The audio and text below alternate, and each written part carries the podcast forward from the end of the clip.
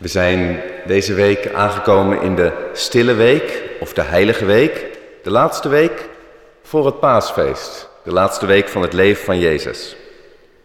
En in die laatste week gebeurde er iets waar we vanmiddag over lezen. Jezus zat aan tafel bij zijn goede vrienden en daar werden zijn voeten gezalfd. Misschien heeft u dat wel eens gezien op een schilderij of op een plaat. Hier lezen we ervan. Johannes 12, vers 1 tot en met vers 8. Zes dagen voor Pesach ging Jezus naar Betanië, naar Lazarus, die hij uit de dood had opgewekt. Daar hield men ter ere van hem een maaltijd. Martha bediende en Lazarus was een van de mensen die met hem aanlagen. Maria nam een kruikje kostbare zuivere nardesolie, zalfde de voeten van Jezus en droogde ze af met haar haar. De geur van de olie trok door het hele huis. Judas Iscariot, een van de leerlingen, degene die hem zou uitleveren, vroeg: Waarom is die olie niet voor 300 denari verkocht?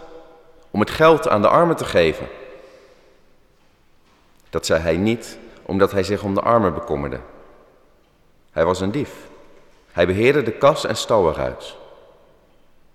Maar Jezus zei: Laat haar. Ze doet dit voor de dag van mijn begrafenis. De armen zijn immers altijd bij jullie, maar ik niet. Het thema van de overdenking is dichter bij Jezus. Beste mensen, broeders en zusters, we mogen vanmiddag even aanschuiven aan tafel bij Jezus. Want Jezus houdt een maaltijd met zijn goede vrienden. Met Martha, die bedient. Lazarus, die ligt aan. Ze zaten in die tijd niet op een stoel, maar ze lagen aan de tafel.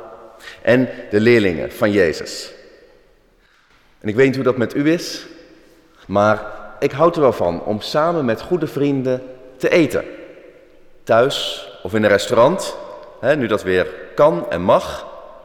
Herinneringen op te halen, goede gesprekken te hebben, te delen hoe je in het leven staat. Nou, Jezus, die hield er ook van. Die deed dat graag, samen met de mensen die hij lief had. En nu zat ik te denken, deze plek is eigenlijk ook zo'n open tafel, zou je kunnen zeggen. Waar iedereen even aan mag schuiven bij Jezus. Of je nu heel bekend bent met hem of nog helemaal niet. Je mag binnenkomen, erbij zitten, luisteren, meedoen. En je zou kunnen zeggen, Jezus houdt ervan. Om op dit, soort plekken te zijn. Ook nu.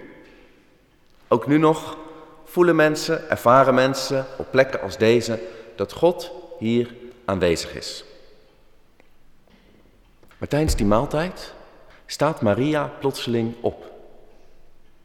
Hetzelfde gebeurt als dat er zou gebeuren als er hier plotseling op zou staan. Iedereen kijkt op. Wat gaat zij nou doen? Maar Maria laat zich niet afleiden. Ze loopt naar die ene kast. En als ze de deuren open doet, dan ziet ze dat flesje wat ze daar al zo lang had bewaard. En nu speciaal voor deze gelegenheid erbij pakt. Ze loopt terug de eetzaal in, naar Jezus toe. En zonder blikken of blozen breekt ze die parfumfles stuk boven Jezus. En ze giet die hele fles over Jezus uit. Eerst over zijn hoofd en dan over zijn handen en over zijn voeten. En alsof dat nog niet genoeg was, knielt ze bij hem neer, maakt zijn haren los en begint ze met haar haar zijn voeten af te drogen. Zo dichtbij komt Maria, misschien wel dichterbij dan iemand ooit bij Jezus was. Het was voor Maria niet genoeg om alleen bij Jezus aan tafel te zitten. Om alleen met hem te praten en mee te eten. Nee, ze wilde iets meer. Ze wilde dichter bij hem komen.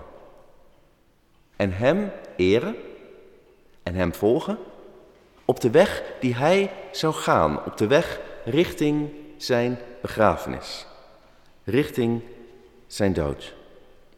En daarom en daarvoor geeft Maria het allermooiste wat ze Hem kan geven, die fles parfum.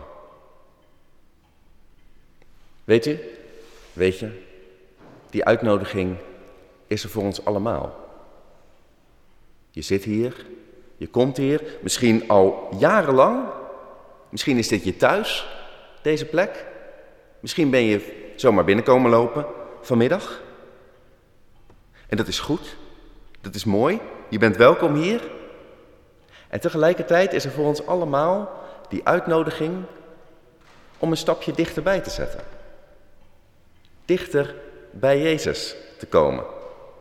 Misschien net even anders te doen dan je altijd gewend was om te doen. Maria liep ook even van tafel. Wat moeten wij dan doen? Moeten wij dan ook met parfumflessen gaan, uh, gaan, uh, gaan strooien hier? Nou, het zou er wel lekker van gaan ruiken. Maar dat is niet de manier. Niet de enige manier in ieder geval. Hoe dan wel? Nou, net als Maria een stapje durven zetten. Een stapje dichter naar Jezus toe. Bijvoorbeeld door een keer iets tegen Hem te zeggen, een keer met Hem te praten, een keer te bidden.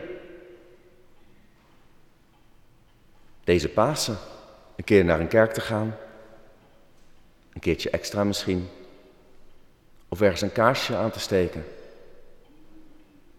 Een keer iets te doen wat je misschien niet zo gewend bent. Een keer een stapje dichterbij te zetten, dichter bij Jezus. Want de weg naar Hem is open. Dichter bij Jezus komen. Dat leverde Maria geen applaus op.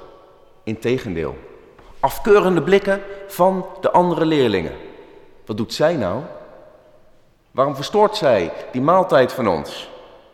En Judas, die naam kennen we wel, die voert het woord. En want onmiddellijk heeft hij berekend wat hier gebeurt. Hij zegt, had dat niet beter verkocht kunnen worden? 300 daglonen, 300 denari. Een heel jaarloon wordt zo even verspild. Apart is dat, hè? Judas had gelijk die rekenmachine in zijn hoofd. Wat het kost, wat er beter mee had gedaan kunnen worden, wat het opbrengt. Terwijl achter die mooie woorden van Judas zat niet zo'n mooi motief schuil. Hij dacht, meer voor Jezus betekent minder voor onze buit. Waar hij zelf af en toe ook wat van nam. Nu kunnen we Judas natuurlijk zwart maken. Maar ergens hebben wij ook wel eens zo'n rekenmachine in ons hoofd, toch? Een rekenmachine waarin we berekenen wat het ons kost om een keer iets meer te geven, om een keer een stapje dichterbij te zetten. Een stapje dichter bij Jezus, maar ook een stapje dichter bij de mensen om ons heen. Wat kost dat mij? In tijd, in energie, in mijn reputatie? Wat zullen de mensen wel niet van mij denken? En wat, wat levert het me op? Maar Jezus, Jezus laat het erbij. Jezus ontmaskert Judas niet. Hij zegt niet, Judas, je bent een dief. Hij zegt tegen Judas, laat haar. Laat haar maar gaan. Ze heeft dit voor mij gedaan. En als jij iets voor de armen wil doen, dan mag dat. Dan is dat heel goed. Maar hou een ander niet tegen die iets voor mij wil doen.